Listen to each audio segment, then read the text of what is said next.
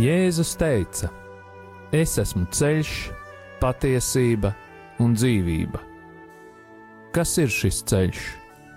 Kā to atrast? Par to raidījumā Ceļš pie viņa. Raidījumu vada Normons Grasmanis.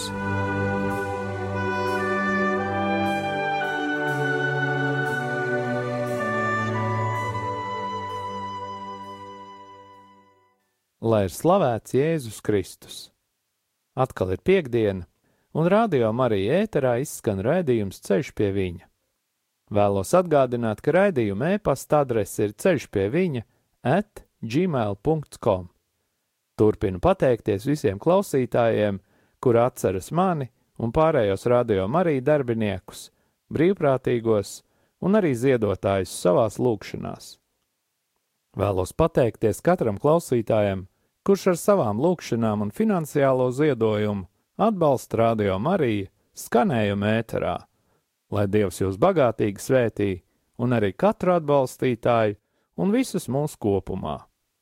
Un tagad, kā jau ierasti, lūksim aizsardzības lūkšanu par radio Mariju darbiniekiem un brīvprātīgajiem, par katru klausītāju un mūsu ģimenes locekļiem.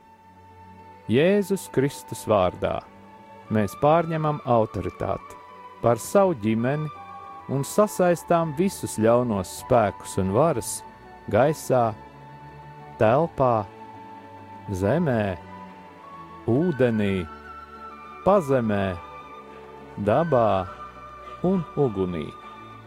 Dievs, tu esi kungs pāri visam visumam, un mēs atdodam tev slavu un godu par tavu radību Tavā vārdā, Kungs, Jēzu Kristu, mēs sasaistām visus demoniskos spēkus, kas ir nākuši pār mums un mūsu ģimenēm, un ieslēdzam mūs visus tavu dārgo asiņu aizsardzībā, kas mūsu dēļ tika izlietas pie krusta.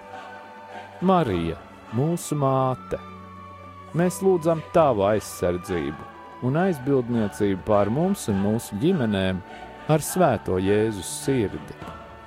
Ietin mūs savas mīlestības apmetnī un sakauj mūsu ienaidnieku. Svētais arcēnģeli Mihēlu un visi mūsu sargaņģeļi. Nāciet aizsargāt mūsu un mūsu ģimenes šajā cīņā pret visu ļauno, kas ir šajā pasaulē. Jēzus Kristus vārdā un caur viņa dārgajām asinīm mēs sasaistām visas ļaunuma varas un pavēlam tām atkāpties šajā brīdī no mums, mūsu mājām un mūsu zemes. Mēs pateicamies Tev, Kungs, Jēzu, jo Tu esi taisnīgs un līdzjūtīgs Dievs. Āmen!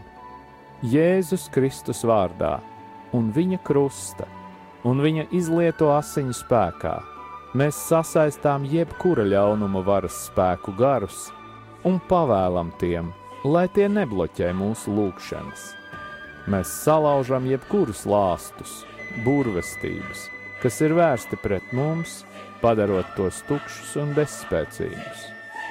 Mēs salaužam jebkuru uzdevumu, kas ir dots jebkādiem gariem, kas vērsti pret mums, un sūtām viņus pie Jēzus, lai viņš dara ar tiem, ko vien vēlas. Kungs, mēs lūdzam, lai tu svētī mūsu ienaidniekus, sūtot savu svēto garu pār tiem, lai vadītu viņus uz grēku nožēlu un atgriešanos. Mēs pārcērtam jebkādas saites un saziņu ļauno garu pasaulē, kas ietekmē mūsu un mūsu lūgšanu. Mēs lūdzam Jēzus izlieto asiņu aizsardzību pār mums un mūsu ģimenēm. Paldies, Tev, Kungs, par Tavu aizsardzību un sūti pār mums savus eņģeļus, jo īpaši svēto erceņģeli Mihēlu, lai viņš mums palīdz šajā cīņā. Mēs lūdzam tevi, vadi mūs mūsu lūgšanās, un izlaies pār mums ar savu svēto garu, tā spēku un žēlsirdību. Āmen! Šī vakara tēma - astroloģija. Astroloģija ir mācība par Saules sistēmas zvaigznēm, par to stāvokli attiecībā vienai pret otru un ietekmi uz cilvēku likteņiem. Taču piena ceļa un tālākās planētu sistēmas iedarbība šajā mācībā vērā ņemtas netiek. zvaigžņu ietekmi uz cilvēku dažādās skolās skaidro ļoti atšķirīgi. Tā var būt gan fiziskā ietekme uz cilvēku, piešķirot noteiktu zvaigznāju simboliku, ņemot vērā zvaigžņu stāvokli un ezotēriskā skaidrojuma zvaigžņu ietekmi uz cilvēkiem. Tāpat daži akcentē gribas un rīcības brīvību, ko nedrīkstot iespaidot, bet citi noraida jebkādu cilvēku pašnoteikšanās iespēju. Svētais Akvīns Toms precīzi norāda, ka, lai gan zvaigznes mūs var ietekmēt, tās nevar mūs piespiest kaut kādā noteiktā veidā domāt vai kaut ko darīt. Vispārēji to varētu nosaukt par dabas ietekmi, kurā un caur kuru mēs esam radušies. To varētu salīdzināt ar pēctecību, kas ietver konkrētas īpatnības, ar kurām mēs piedzimstam. Astroloģijā būtiska nozīme ir cilvēka dzimšanas horoskopam, taču šeit netiek ņemts vērā tas, ka sākotnējā zvaigznājas stāvoklis debesīs ir mainījies, un zvaigznājs, kas tiek pielīdzināts konkrētam gada laikam, vairs nav tajā pašā stāvoklī. Kāda tad ir astroloģijas vēsture? Iesākumā, apmēram tūkstots gadus pirms Kristus, un līdz pat 16. gadsimtam astroloģija un astronomija tika uzskatītas par vienu un to pašu zinātni. Planētu kustības likumi tika izmantoti, lai caur planētu atrašanās pozīcijām noteiktu un saprastu to ietekmi uz cilvēku likteņiem. Atkarībā no savas krāsas un kustībām, planētas tika identificētas ar mistiskām dievībām, un to raksturojums tika piedāvāts cilvēka īpašībām, kas bija dzimis atbilstoši noteiktam zvaigznājam. 16. gadsimtā astronomija attīstījās kā eksakta, uz matemātiku un fiziku balstīta dabas zinātne. Turpretim astroloģija turpināja izzināt cilvēka likteni, kas īpaši aktivizējās cilvēkam kritiskos brīžos. Šodien plaši attīstās ezotērika un arī astroloģija, sevišķi to reklamē New Age kustība. 6. janvārī mēs pieminam trīs ķēniņus, kuri sekoja Bēntlemes zvaigznei, kas viņiem parādīja ceļu pie bērna Jēzus, kuru šie ķēniņi atrada kūtiņā, silītē guļam. Ir cilvēki, kuri uzskata, ka Bēntlemes zvaigzne kura trīs gudros vai magus atved uz Bēntlemi, ir pierādījums tam, ka Jēzus dzimšana tika pareģota astroloģiskā veidā. Šādi skaidrojot svētos rakstus, viņi mēģina apgalvot, ka Dievs astroloģiju atbalsta.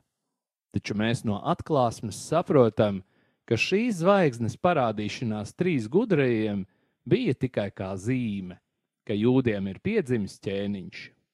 Protams, ka mēs nezinām, vai šie trīs gudrie vadījās no dievišķās atklāsmes, vai arī tas bija viņa dotību rezultāts. Nav zināms arī tas, vai šie trīs ķēniņi zināja vecās derības noliedzošo attieksmi pret astroloģiju un citām gaišredzības formām. Kas tad īpašs ir šajā zvaigznē? Vai tā bija jauna zvaigzne vai kāda komēta? Tas, ko mēs zinām patiešām, ir, ka otrajā gadā pirms Kristus Jupiters novietojās zem zvaigznēm, un tieši pirms rītausmas bija redzams uz dienvidiem no Jeruzalemes. Tātad virs Bētlemes. Vai tas ir tas, ko šie austrumu gudrie redzēja? Turklāt joprojām nav īstas skaidrības par precīzu Jēzus dzimšanas gadu. Ir tikai pieņēmumi, ka tas noticis starp 7. gadu pirms Kristus dzimšanas un 4. gadu pēc Kristus dzimšanas. Ja viņi šai zvaigznē bija piešķīruši īpašu nozīmi, tad tas varētu būt saistīts ar austrumu gudro priekšstatiem par astroloģiju. Līdz ar to varētu šķist, ka Dievs viņus vadīs, izmantojot astroloģiju. 5. mūzes grāmatā, 4. nodaļas 19. pantā, mēs varam lasīt: Necel savas acis uz debesīm, kad redzi sauli, mēnesi, zvaigznes vai jebko no visiem debesu pulkiem. Neļaujies pavedināties un nezemojies tiem, un nekalpot tiem. Tos kungs tavs dievs piešķīris visām tautām, kas zem debesīm. Un atkal varētu likties, ka Dievs rīkojas pretrunā saviem rakstiem, saviem likumiem, ko viņš mums devis vecajā derībā. 3. mūzes grāmatā, 19. nodaļas 26. pantā ir teikts: Nēdiet neko, kam klāt asinis, nepareģojiet un neburiet. Turpinot 31. pantā, nevērsieties pie garu izsaucējiem un nemeklējiet ziņtniekus, tie jūs padara nešķīstus. Es esmu kungs jūsu dievs. Tāpat 3. mūzes grāmatas 20. nodaļas 6. un 7. pantā ir rakstīts, kas gājas pie garu izsaucējiem vai pie ziņtniekiem, lai maukotu tiem pakaļ, pret to es vērsīšu savu vaigu es viņu iznīdēšu no tautas. Svētieties un esiet svēti, jo es esmu kungs jūsu dievs, un tādas vietas vecajā derībā ir vēl vairākas.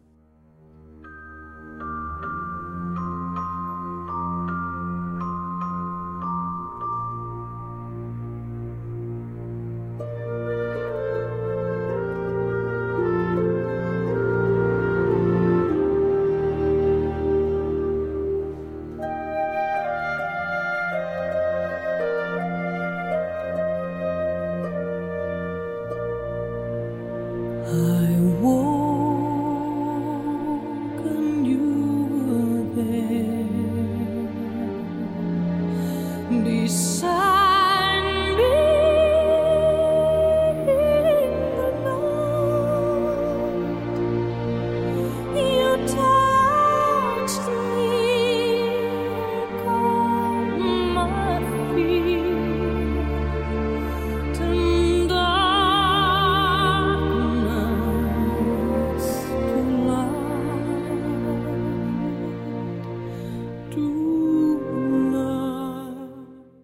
Jāpievērš uzmanība tam, ka Dievs cilvēku ir vadījis jau kopš radīšanas. Iesākumā cilvēks Dievu atpazina pēc viņa radītā, un to mēs varam lasīt vēstulē romiešiem, pirmās nodaļas 20. pantā. Bet neredzamais, Dieva mūžīgais spēks un dievišķība, tas prātam atklājas Dieva redzamajos darbos, kas darīt kopš pasaules radīšanas. Vēlāk Dievs savu gribu cilvēkiem atklāja caur desmit baušļiem. Pirmais bauslis cilvēkiem atklāja, ka visu radīto spēku pamatā ir viens dievs un ka nav cita dieva. Bailes un ziņkārība cilvēkiem lika un joprojām liek atklāt likumus, uz kuriem balstīta radība. Cilvēki cenšas kontrolēt tos spēkus, kas šķiet kontrolē viņu dzīvi. Tīri dabiski cilvēks vienmēr ir pētījis debesu ķermeņa darbību un kustību un to ietekmi uz zemes dzīvi. Tie ir aprēķināmi lielumi un var tikt zinātniski izskaidroti. Saule un mēnesis gravitācijas spēka dēļ ietekmē paisumu un bēgumu. Dzīvnieki dodas ziemas miegā, ievērojot gada laiku ritmu. Cilvēki iet gulēt un mostas saskaņā ar 24 stundu ciklu un tā tālāk. Tas ir radības ritms, un debesu ķermeņa kustības ietekme uz to ir aprēķināma. Cilvēka vēlme izprast savu likteni un to kontrolēt noved viņu pie maldīga pieņēmuma, ka viņš varētu vadīt savu dzīvi, zinot zvaigznā ietekmi uz to, doma iegūt spēku, būt neatkarīgam no radības spēkiem, valdzināja un joprojām valdzina cilvēkus vecās derības pirmo laiku, desmitās nodaļas 14. pantā lasām, ka jebkādas gaišredzības formas virza cilvēku ticēt maldīgiem avotiem, lai uzzinātu plašāku informāciju par sevi un pārvarētu savu likteni, nevis lai motivētu viņu uzticēties dievam, savam radītājam. Dievs radīja cilvēku, un viņa lielākā vēlēšanās ir būt vienotībā ciešās attiecībās ar cilvēkiem un viņus vadīt pa zemes dzīves ceļiem. Svētajos rakstos varam atrast pretrunīgus fragmentus par to, kādā veidā Dievs vada cilvēkus. No vienas puses viņš dod konkrētus aizliegumus, norādot, ko cilvēkam nevajadzētu darīt, ja viņš vēlas izsargāties no nelaimēm. No otras puses, vecajā derībā varam lasīt tādus rakstu vietas, kā piemēram Ījaba grāmatas 38. nodaļas, 31. līdz 33. pants. Vai vari sasiet sietiņa važas, vai muļķa saites atraisīt, vai zvaigznājus vari vadīt to stundā, vai lāceni un tās dēlus vadāt tu vari? Vai debesu likumus tu zini, vai tu liec tiem vadīt virs zemes? Vai vēl senāku, kur Jāzeps sapņš šķiet norāda uz to, ka astroloģija ir atbalstāma.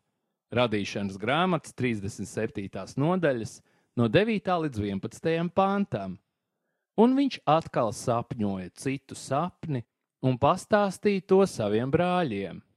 Re, es atkal sapņoju sapni, un re, saule un mēnesis, un vienpadsmit zvaigznes man klanījās.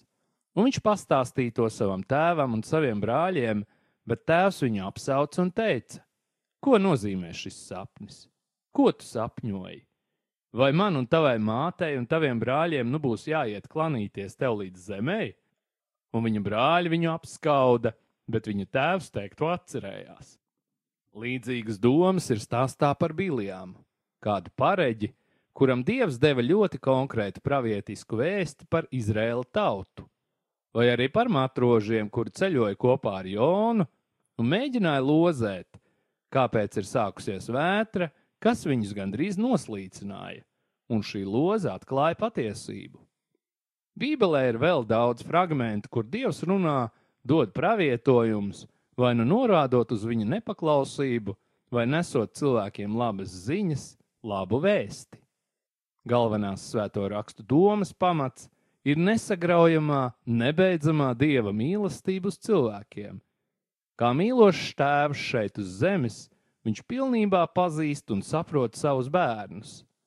Dievs atklāja Jāzepam, Bīlēmam un trim gudrajiem savus nodomus un vadīja viņus uzticēties tikai viņam vienam. Ik pa laikam varam pamanīt, ka Dievs bieži izmanto neparastus līdzekļus. To mēs redzam ne tikai stāstā par Kristus piedzimšanu, bet arī citos vēstījumos, piemēram, radīšanas grāmatas 22. nodaļas no 10. līdz 13. pantam. Ābrahams izstiepa savu roku un ņēma nāzi, lai nokautu savu dēlu, un kunga eņģēlis sauca uz viņu no debesīm: Ābraham, Ābraham! Un viņš teica: Es te, un tas teica: Neizstiep roku pret zēnu, un nedara viņam neko, jo tagad es zinu, ka tu bīsties dieva un nēsi manis dēļ taupījis savu vienīgo dēlu. Ābrahams pacēla savas acis, paskatījās, un redzi, aiz muguras krūmos ar ragiem aizķēries auns, un Ābrahams gāja, paņēma aunu un upurēja to par sadedzināmo upuri sava dēla vietā.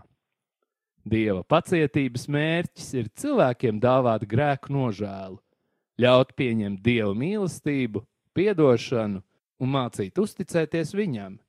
Šis ir vienīgais ceļš, lai iemantotu mieru un laimi.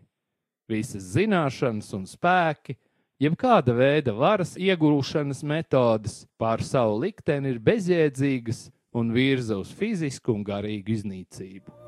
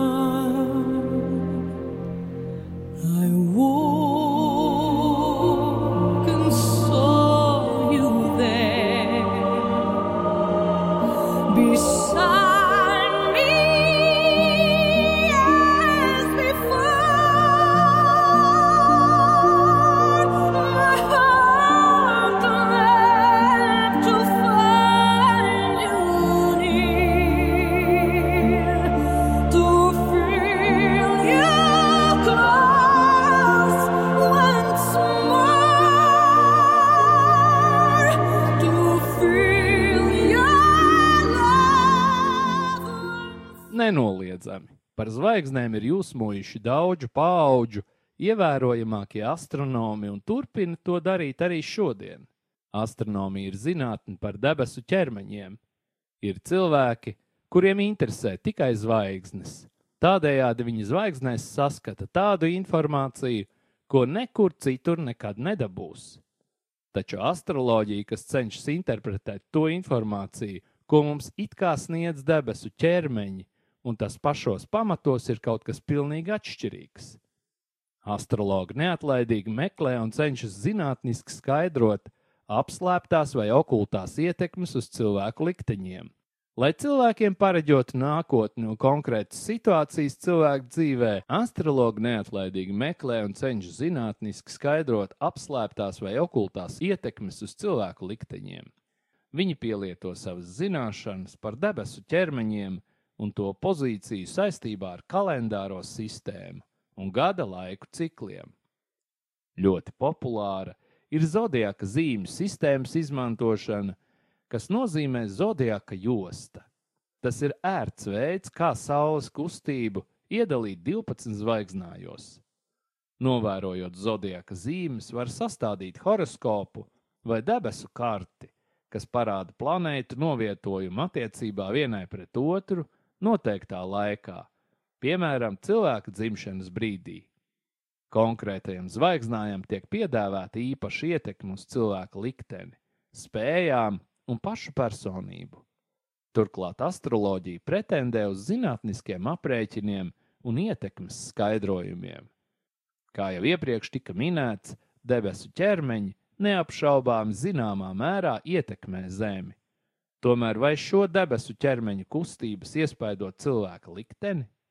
Astroloģijā tiek norādīts, ka jā. Daudzi tās eksperti un piekritēji ir brīnumaini aprakstījuši astroloģijas efektivitāti un rezultātus, taču ne visi pret to izturas tik nopietni. Lielākā daļa cilvēku savu horoskopu aprakstu lasa avīzēs un žurnālos tikai ziņkārības dēļ, vai arī, lai nedaudz pasmietos. Savukārt citi padziļina savas zināšanas astroloģijā, lai atklātu savu vietu un atrastu savu lomu kosmiskajā kārtībā. Viņiem nepietiek ar vispārēju horoskopu pārzināšanu, tāpēc viņi dodas pie astrologiem. Indijā lielākā daļa iedzīvotāju ievēro tradīciju izzināt savu likteni, vadoties pēc zvaigznēm. Tādējādi 99% hinduisti laulājas dienā, ko noteicis astrologs. No kurienes un kad ir radušies priekšstati par iespējām paredzēt savu likteni pēc zvaigznēm? Kā jau iepriekš minēts, šīs zināšanas bijušas pazīstamas jau laikos, par ko lasām vecajā derībā. Persiešu un indiešu atrastajos avotos norādīts, ka astroloģiskā prakse bijusi zināma pirms Kristus. Acīm redzami, domājoši cilvēki jau no pašiem pirmsākumiem ir sajūsminājušies par zvaigznēm un tad secinājuši, ka to spēks ietekmē cilvēka likteni. Tāpēc tas bija tikai laika jautājums, lai izstrādātu metodi atbildēt uz visiem cilvēces lielajiem jautājumiem, no kurienes mēs nākam, kas ir mūsu dzīves jēga, uz kurien mēs dodamies. Līdz ar to, lai justos iepriecināti un apmierināti, cilvēki vēršas pie astrologiem, cerot saņemt garīgu palīdzību. Tie, kuri nopietni meklē garīgo patiesību, ir garīgi izslāpuši. Viņi jūt spēcīgu vēlēšanos atrast atbildes uz svarīgākajiem savas dzīves jautājumiem, lai ko tas arī maksātu. Šīs ilgas ir aktīvas tik ilgi, kamēr netiek atklāta un pieņemta īsta atbilde. Tikai pēc tam nemieris norimst un sirds kļūst brīva īpašs spēks, lai cilvēka sirds tiktu piepildīta ar mieru, ir tikai patiesības pilnām atbildēm. Īstas atbildes ir tās, kas dod risinājumu mūsu problēmām un atbildes jautājumiem par sevi, par visuma noslēpumu un dieva būtību. Mēs, kā kristieši un katoļi, ticam, ka vienīgo īsto atbildi var dot un ir jau devis Dievs, mūsu radītājs Dievs skaidri runājis uz cilvēci caur savu vienīgo dēlu Jēzu. Pēc savas nāves augšām celšanās un uzkāpšanas debesīs, viņš ir nosūtījis savu svēto garu. Viņam bija uzdevums pasaulē tālāk sludināt dieva gribu un patiesību. Turpinājumā kāds stāsts par astroloģiju.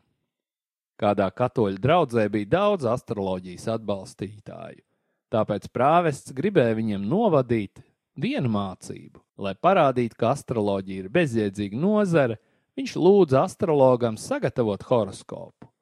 Viņš bija pārliecināts, ka neviens no tajā minētajiem negadījumiem nerealizēsies, un zināja, ka nav konkrētu zinātnisku pētījumu, kas astroloģiju apstiprinātu, tāpēc gribēja savus draugus locekļus atbrīvot no šīs māņticības. Pagāja viena nedēļa. Sliktie notikumi, kas tika pareģoti ar horoskopa palīdzību, piepildījās pilnā mērā. Tad, kā tika pareģots, aizdegās baznīcas jumts un visai ātri nodega pavisam. Šis notikums prāvestu samulsināja tik ļoti, ka viņš nezināja, par ko sprediķot nākamajā svētdienā. Svētajā misē, sprediķī, viņš uzkāpa kancelē un kādu brīdi šķirstīja misāli, lai noslēptu savu samulsumu. Tad pēkšņi viņš uzšķīra fragment no 5. mūzes grāmatas, 18. nodaļas, kur dievs aizliedz jebkāda veida zīlēšanas formas. Tas tūlīt lika prāvestam saprast, ka viņš pats ir pārkāpis šo likumu, likdams izveidot horoskopu draudzēji. Tajā brīdī, kas ļoti pārsteidz draugs, viņš nokāpa no kanceles, nometās uz ceļiem pie altāra un dieva priekšā skaļi, skaidri izteica nožēlu par dievu baušļu pārkāpumu, piekopjot zīlēšanu un pareģošanu ar zvaigžņu palīdzību. Šī atzīšanās ļoti aizskāra draugus locekļus. Uzreiz viņi devās pie altāra un kopā ar savu ganu nožēloja grēkus, kas viņu dzīvē, draudzē kļuva reāli caur nākotnes paredzēšanu, horoskopu sastādīšanu, ticību tam un neusticēšanos dievu vadībai. Draudzes horoskops sadega. Kopš tā laika draudzē neviens vairs neinteresējas par astroloģiju.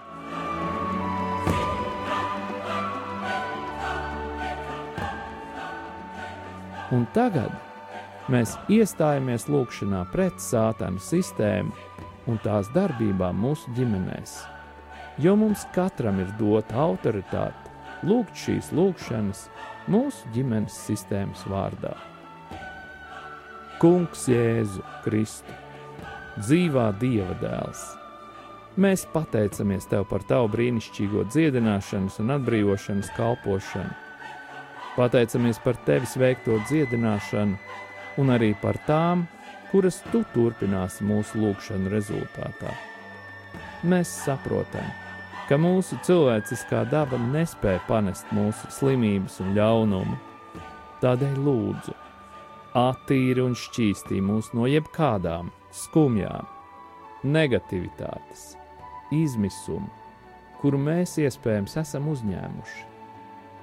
Ja mums ir bijis kārdinājums padoties dusmām, neiecietībai vai iekārai, attīri mūs no šiem kārdinājumiem un aizstāj tos ar mīlestību, prieku un mieru.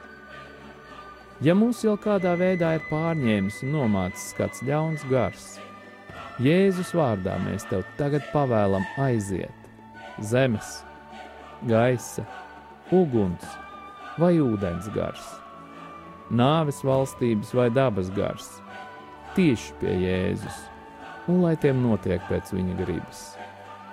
Nāc svētais gars, atjauno mūs, piepildi mūs atkal ar savu spēku, savu dzīvību un savu prieku. Stiprini mūs tur, kur jūtamies vāji, un apklāj mūs ar savu gaismu, piepildi mūs ar dzīvību. Marija, visu svētā Jēzus māte, mūsu māte. Svētais arcāņģēl Mihēl, mēs tev pateicamies par jūsu aizbildniecību. Kungs Jēzu lūdzu sūti savus svētos eņģeļus kalpot mums un mūsu ģimenēm, apsargāt un aizstāvēt mūs no visām slimībām, ievainojumiem un nelaimes gadījumiem. Lai mūsu ceļojumi ir droši, mēs tevi slavējam, tagad un vienmēr Tēvs, Dēls un Svētais Gars. To visu mēs lūdzam Jēzus svētajā vārdā, lai tas tiek godināts Āmen. Un tagad saņemiet pāvesta Franciska svētību. Kungs Jēzus Kristus, lai ir pār mums, lai mūs svētītu, lai ir pie mums, lai mūs pavadītu, un lai ir ar jums un mums, lai mūs aizsargātu, lai mūs svētītu Dievs Tēvs un Dēls un Svētais Gars, lai asinis un ūdens, kas izplūda no Jēzus Kristus sirds, izplūst pār mums, un lai šķīstī, atbrīvo un dziedina. Saņemiet svēto garu, Dieva tēva un dēla un svētā gara vārdā Āmen!